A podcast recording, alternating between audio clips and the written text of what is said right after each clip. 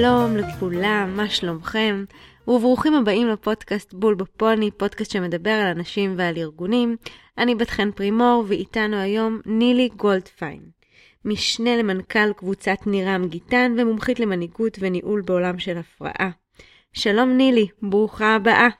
ערב טוב. אז היום נתמקד במיומנויות כוח, מה שנהוג היה לכנות uh, עד לאחרונה מיומנויות רכות. אז בואי נתחיל מהבסיס, מהי בעצם אינטליגנציה רגשית?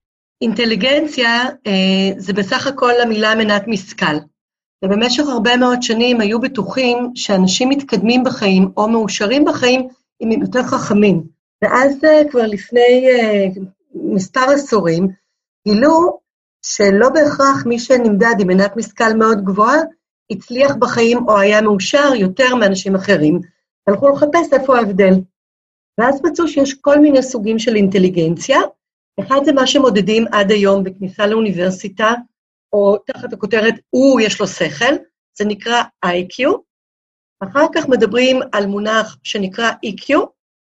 ה-IQ מיוחס לאונה השמאלית במוח והוא אחראי על חשיבה לינארית, על חשיבה קוגניטיבית, על תשומה תפוקה, על תכנון הוצאה לפועל, על אה, אסטרטגיה, על אנליטיקה, על מספרים ועל עובדות.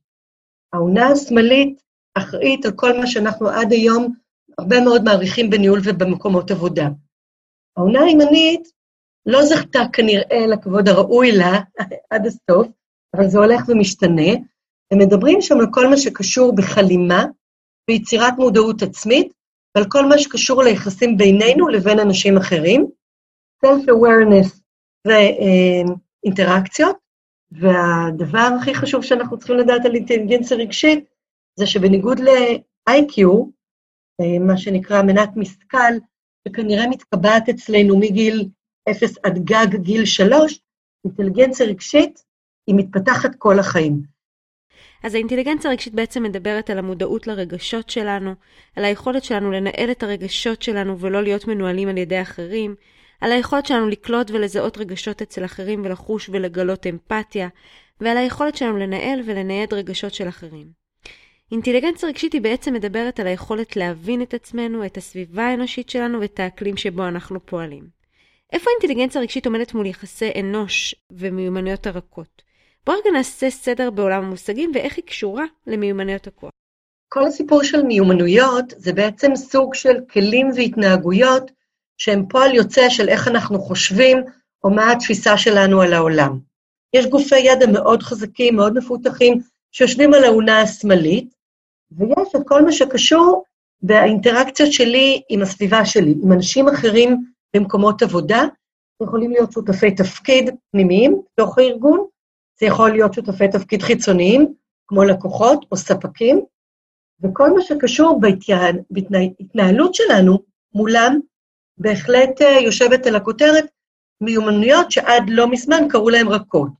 אבל הביטוי רכות הוא נוצר בגלל שנורא קשה לכמת את זה.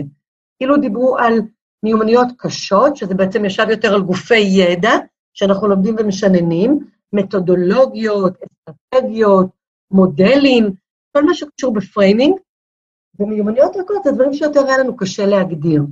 קשה להגדיר איך לעשות משא ומתן, קשה להגדיר איך לנהל קונפליקט, קשה להגדיר איך לעשות תהליך mentoring למישהו, זה דברים לא מדידים, או היו לא מדידים, היום אפשר גם למדוד אותם, אבל נחשבו ללא מדידים. וככל שהעולם פחות לינארי ויותר כאוטי, פחות צפוי ויותר unpredictable, כל הסיפור הזה של הצורך במיומנויות רכות, מה שנחשב, הלך ועלה במידת החשיבות שלו, ואז יצא אה, בן אדם שנחשב לגורו בעולם העבודה, ששמו ג'וש ברסין, והתחיל לכתוב, תקשיבו, חברים, אתם ממש מתבלבלים. המיומנויות האלה הן לא רכות והן בטח לא קלות. קשה מאוד ללמוד אותן, לוקח שנים ללמוד אותן. הרבה אנשים ינסו ללמוד אותן כל החיים ולא יצליחו, אבל יש יותר ויותר הוכחות מחקריות ומדעיות לעובדה שהמיומנויות האלה will make or break your career. אנשים שיודעים לנהל נכון את עצמם, יודעים להתנהל נכון, גם בסביבה אנושית וגם בסביבה עסקית, יצליחו להשיג תוצאות עסקיות הרבה יותר גבוהות, ולכן הוא טבע את המונח power skills, אינטליגנציה רגשית לא עוזרת לנו בלהיות נחמדים יותר, או בלהתנחמד, אלא היא מנסה לגרום לנו אה, ולסייע לנו לנהל את הרגשות שלנו, כמו שאמרת, כדי להשיג את התוצאות הכי טובות.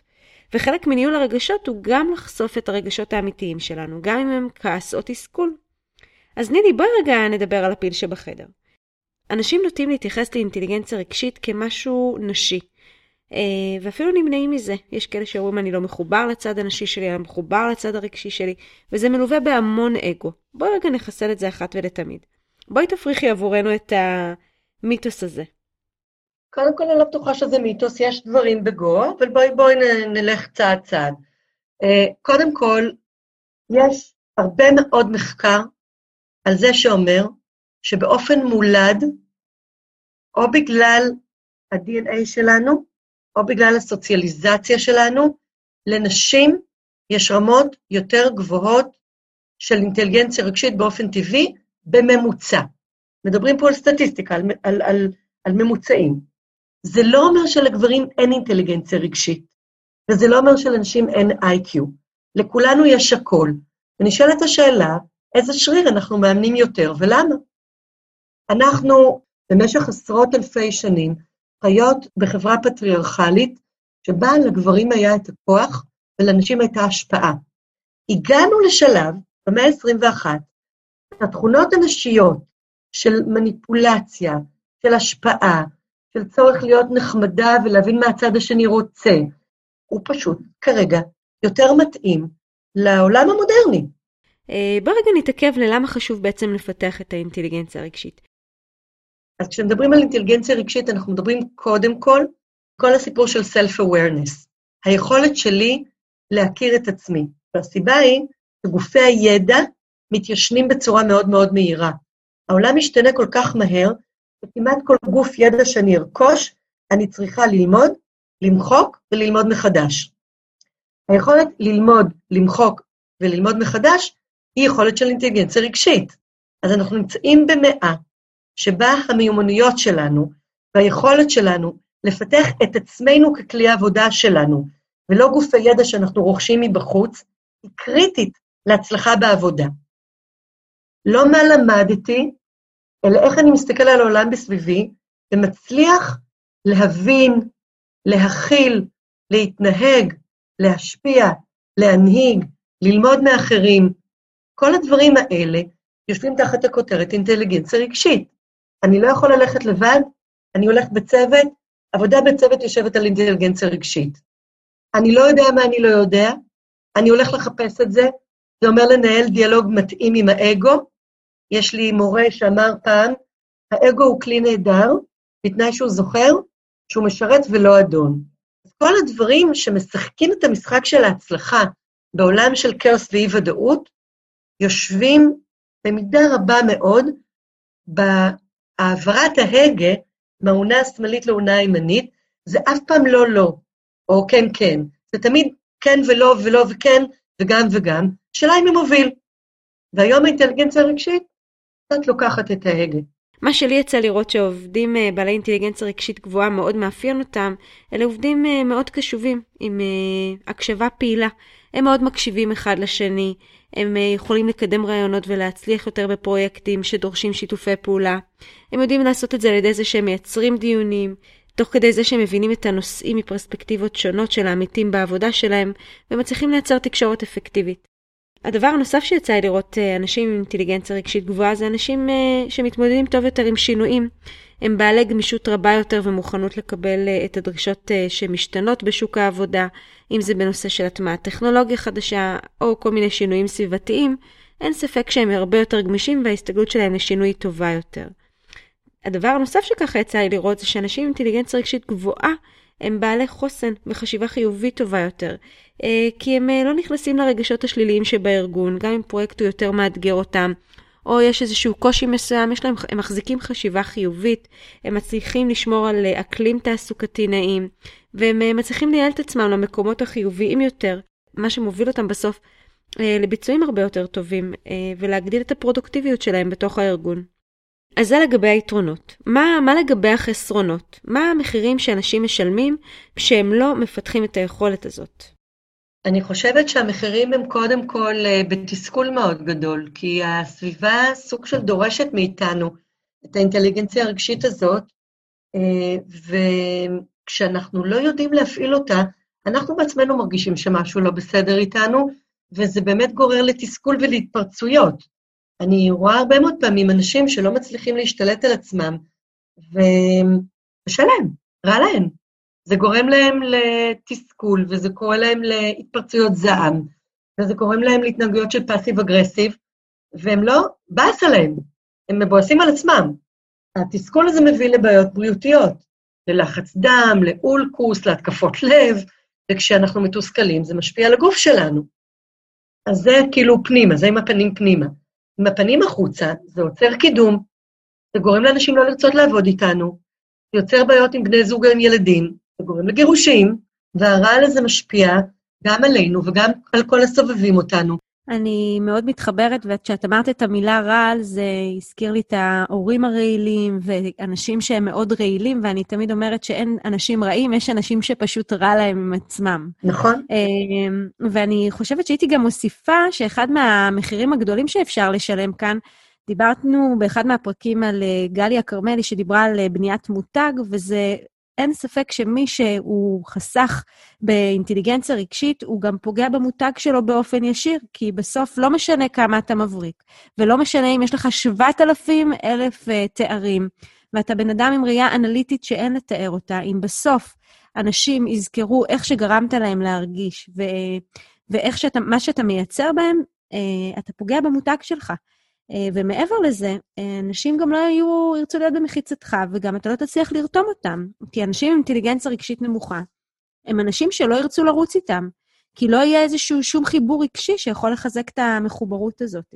אני חייבת להגיד לך בעניין הזה שאני עדיין רואה הרבה מאוד ארגונים, לצערי, שכן אה, הולכים אחרי מנהל כשהוא מצליח להביא רק תוצאות עסקיות טובות, ועושים את זה כי מרגישים שהארגון כאילו חייב לעצמו את זה, אבל אני חושבת שזה משתנה. יש עדיין הרבה כאלה, אבל יש, אני רואה בבירור מגמת שינוי. קודם כל, זה משמח מאוד לשמוע, אה, ואני חושבת שזה, השאלה היא גם להסתכל על זה לטווח זמן רחוק. כמה, כמה זמן אותו מנהל מצליח להחזיק מעמד עם אותו צוות שלו, היום אנחנו כבר רואות את זה במבחנים לרפואה, שלא בודקים רק את המבחנים ה... שתיארת לנו בהתחלה באינטליגנציה של ה-IQ, אלא ה-EQ הפך להיות גם חלק מהמבחנים שבודקים אותם. מה, מה לגבי ההיבטים הארגוניים? איך היא באה לידי ביטוי בתרבות הארגונית? ו... ואם אני אשאל קצת יותר בצורה יותר ספציפית, איך האינטליגנציה הרגשית של מנהל משפיעה על הארגון ועל הצוות? Hmm. יש עוד משפט של בגואן רג'ני שאני נורא אוהבת, הוא אומר, each vital thing it's an organism, each dead thing it's an organization. ארגונים זה יצורים חיים, ומבחינתי אה, כמעט כל מה שנכון לגבי הפרט נכון גם לגבי הארגון. יש לארגונים אופי, כמו, כמו לאנשים, אה, אז בתרבות הארגונית זה בא לידי ביטוי בהמון המון מישורים, זה בא לידי ביטוי במה לגיטימי, במה לא לגיטימי. למשל, האם לגיטימי בארגון שלנו לצעוק? יש אה, ארגון אחד שעבדתי איתו, זו דוגמה איומה ונוראית, אבל היא דוגמה אמיתית, ששני סמנכ"לים רבו על איזה משהו, לא משנה מה הנושא, אה, אבל הם הלכו מכות, פיזית. הם פשוט בקומת הנהלה, בארגון מאוד מאוד גדול, אה, עם הרבה תמונות מאוד יקרות של שמן בקירות, שני סמנכ"לים שהתווכחו על משהו, פשוט הלכו מכות פיזית, והמנכ"ל לא העיף אף אחד מהם ולא את שניהם. אז אם שני אנשים הולכים מכות פיזית על איזשהו נושא, במקום לדבר וללבן את הבעיה, והמנכ"ל לא מעיף אף אחד מהם, זה משדר לגמרי לארגון שמותר פה להיות אלימים. איך מענישים או מתגמלים התנהגות ראויה או התנהגות שאיננה ראויה, היא לגמרי חלק מהתרבות הארגונית, והשורשים שלה זה אינטליגנציה רגשית. אז, אז אנחנו באמת יכולות להסתכל גם על כל נושא של ההיבט של ההכלה של קושי, אה, ומצבים שהם מורכבים, או מצבים של אי-ודאות, שבאמת משפיעים באופן ישיר על החוסן הארגוני, שבעצם גם הוא מעיד כמימד על האינטליגנציה הרגשית, כי אנחנו יודעים הרי שאחד מהעקרונות של החוסן הארגוני נשאל גם על התרבות הארגונית שדיברת עליה, וגם על המנהיגות. ובסוף, תרבות שמעודדת יחסים של אמון, אה, של, וקיומה של מנהיגות שהיא יותר חזקה, היא בסוף מצליחה להביא גם לחוסן ארגוני מאוד גבוה. ולאינטליגנציה רגשית שהיא תתפתח בתוך הארגון בצורה טובה יותר, ותוביל בסוף להתמודדות עם העולם בהפרעה שדיברנו עליה. מה בסוף מנהלים יכולים לעשות כדי לייצר לעצמם תשתית למידה ושיפור בכל ההיבט של האינטליגנציה הרגשית? אני חושבת שהדבר הראשון זה ה mindset. כל מה שקשור בחשיבה, יש על זה הרבה מאוד מחקרים, שחשיבה יוצרת שפה, שפה יוצרת התנהגות, ואמר גנדי, והתנהגות יוצרת גורל. אז העובדה שקודם קראו לזה soft skills והיום קראו לזה power skills, זה לא סמנטיקה, זה להבין שזה חשוב. דבר שני, להשתמש בשפה נכונה. כל מה שקשור בשפה הוא באמת יוצר מציאות.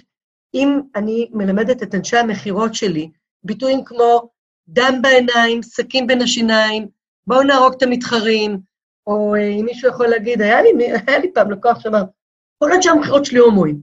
אין, אין ספק שזה לא בדיוק מכבד, ואין ספק שזה לא בדיוק מעביר את המסר שאינטליגנציה רגשית או תכונות שנחשבות סטריאוטיפית מגדריות נשים, הם חלק מהתהליך המקובל בחברה. והדבר השלישי, ארגון יכול לספק תשתיות ללמידה, וחשוב שארגון יספק תשתיות ללמידה, אבל אף ארגון לא זז מהר כמו בן אדם. אז מנהלים יכולים לקחת אחריות על עצמם, יכולים לקחת אחריות על הצוותים שלהם, ולהכניס את האימון, את הפידבקים, את ההכשרה על אה, power skills, בלי לחכות שארגון יזוז. כי אם הם יחכו ויחכו ויחכו, ארגון יזוז באיזשהו שלב, אבל עד אז הם יאבדו זמן, הרבה אנשים טובים. אני בהחלט מתחברת לתשתית ככה שהעמדת לפנינו, ומה שאני מצאתי שמאוד עוזר אה, ועובד עם השנים, זה קודם כל אה, לשיים רגשות. אני אה, שואלת את הילדים שלי, איך היה לך בגן? כיף. איך אתה מרגיש? כיף. הכיף והסבבה הפכה להיות מילה שגורה אצל כולנו כדי לתאר את העולם, העולם הרגשי שלנו.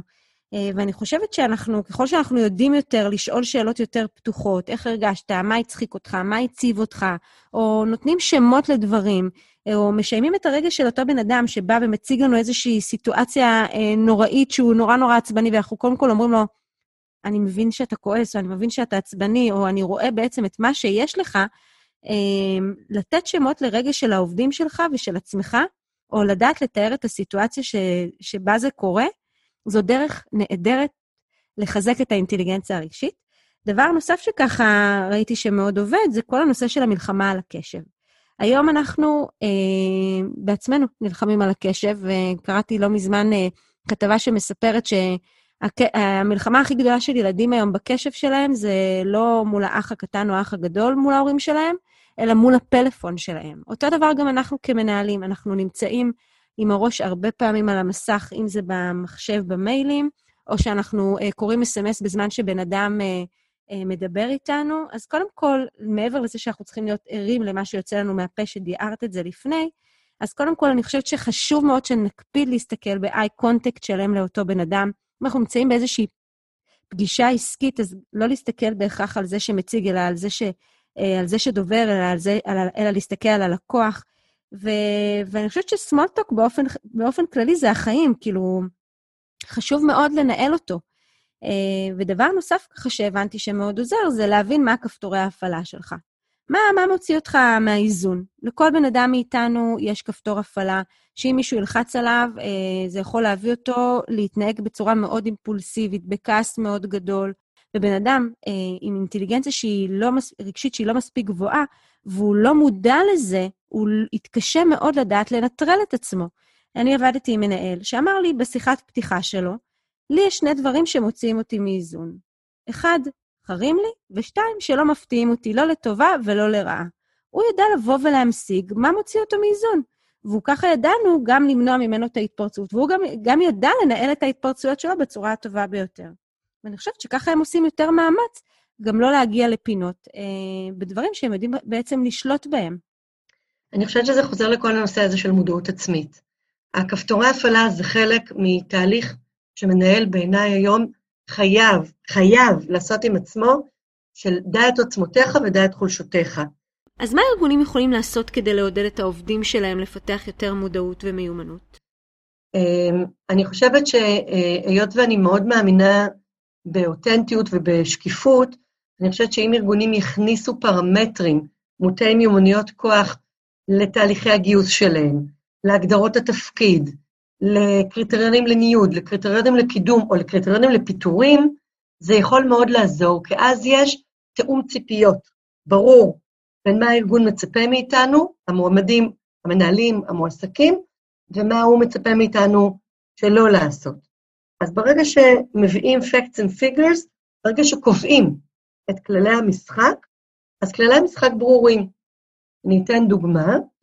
עבדתי בשני ארגונים שבאותו זמן, במקום אחד היה הטרדה מינית ולא עשו עם זה כלום, ובמקום השני, המנכ"ל בדק את כל הפרטים, הבין שזה באמת היה ככה, התקשר לבחור שהיה מתחת לבחור שהטריד מינית, אמר לו, תקשיב, אני עולה על הרדיו לראיון תכף, אני רוצה שתדע, הבחור הזה עף מארגון כמו טיל, ברכותיי קודמת. אז בארגון שאומר respect for the individual, יש הטרדה מינית ומתעלם ממנה, כי המנהל המטריד מביא 80% מהרוויניו של החטיבה, זה בוודאות מסר. וארגון אחר, שמנהל מאוד בכיר הטריד מינית וטס מהארגון תוך עשר דקות, זה בוודאות מסר. אז אם אני רוצה להעביר מסר, אני לא רק מדברת, אני עושה. וזה מעביר הכי טוב כל מה שאני רוצה להעביר לגבי מה דעתי על התנהגות כזאת או התנהגות אחרת. מהם המגבלות הכרוכות אה, בשימוש יתר, למשל, באינטליגנציה רגשית? אני לא יודעת אם אני יכולה לדבר על המילה מגבלות, אני יכולה להגיד על הסכנות שטמונות ביישום חרוץ מדי. אומרים, יש כזה משפט שאומר, את יודעת מה יותר גרוע, גרוע מבן אדם טיפש ועצלן? בן אדם טיפש וחרוץ. אה, הרבה מאוד ארגונים שנכנסו חזק לסיפור הזה של אינטליגנציה רגשית, הם, התעסקו כל כך הרבה עם ההתנהגויות, וכל כך הרבה עם היחסים, וכל כך הרבה עם ההכשרות, שזה הסיט את האנשים מחשיבה תפוקתית, והעביר את כל הארגון מפרודוקטיביות לממבו ג'מבו. באיזשהו שלב, אני זוכרת, ישבתי לפני הרבה שנים עם המנכ"ל של חברת טמבור, הוא אמר לי, נילי, בואי לא נשכח, בסוף אנחנו צריכים לייצר צבע. וזה עשה לי כזה סדר בראש. האינטליגנציה רגשית זה דרך, זה תהליך. בסוף אנשים צריכים להשיג תפוקות. אם האינטליגנציה הרגשית תומכת בארגון או לא תומכת בארגון. עכשיו, תמיכה בארגון היא לא רק בתוצאות, בסדר? אני לא רואה את התפוקה הסופית, הכלכלית, כחזות הכל, אבל יש לה חשיבות גדולה מאוד. כמובן שבסוף אנחנו גם רוצים ליהנות מהדרך, אבל ארגונים נמצאים בשביל להשיג משהו, ואסור שכל העיסוק הזה ב... אה, כזה יהפוך לארגונים של מחבקי עצים. זה לא המטרה. זה ממש אה, מתחבר לי עם החיבור של בין הקרינג לבין הפרודוקטיביות, שזה לא צריך לבוא אחד על חשבון השני, זה פשוט צריך להיות ביחד. אמ, איך מנהלים יכולים לסייע לעובדים שלהם אה, לצמוח מהבחינה הזאת? קודם כל, להיות רול מודל.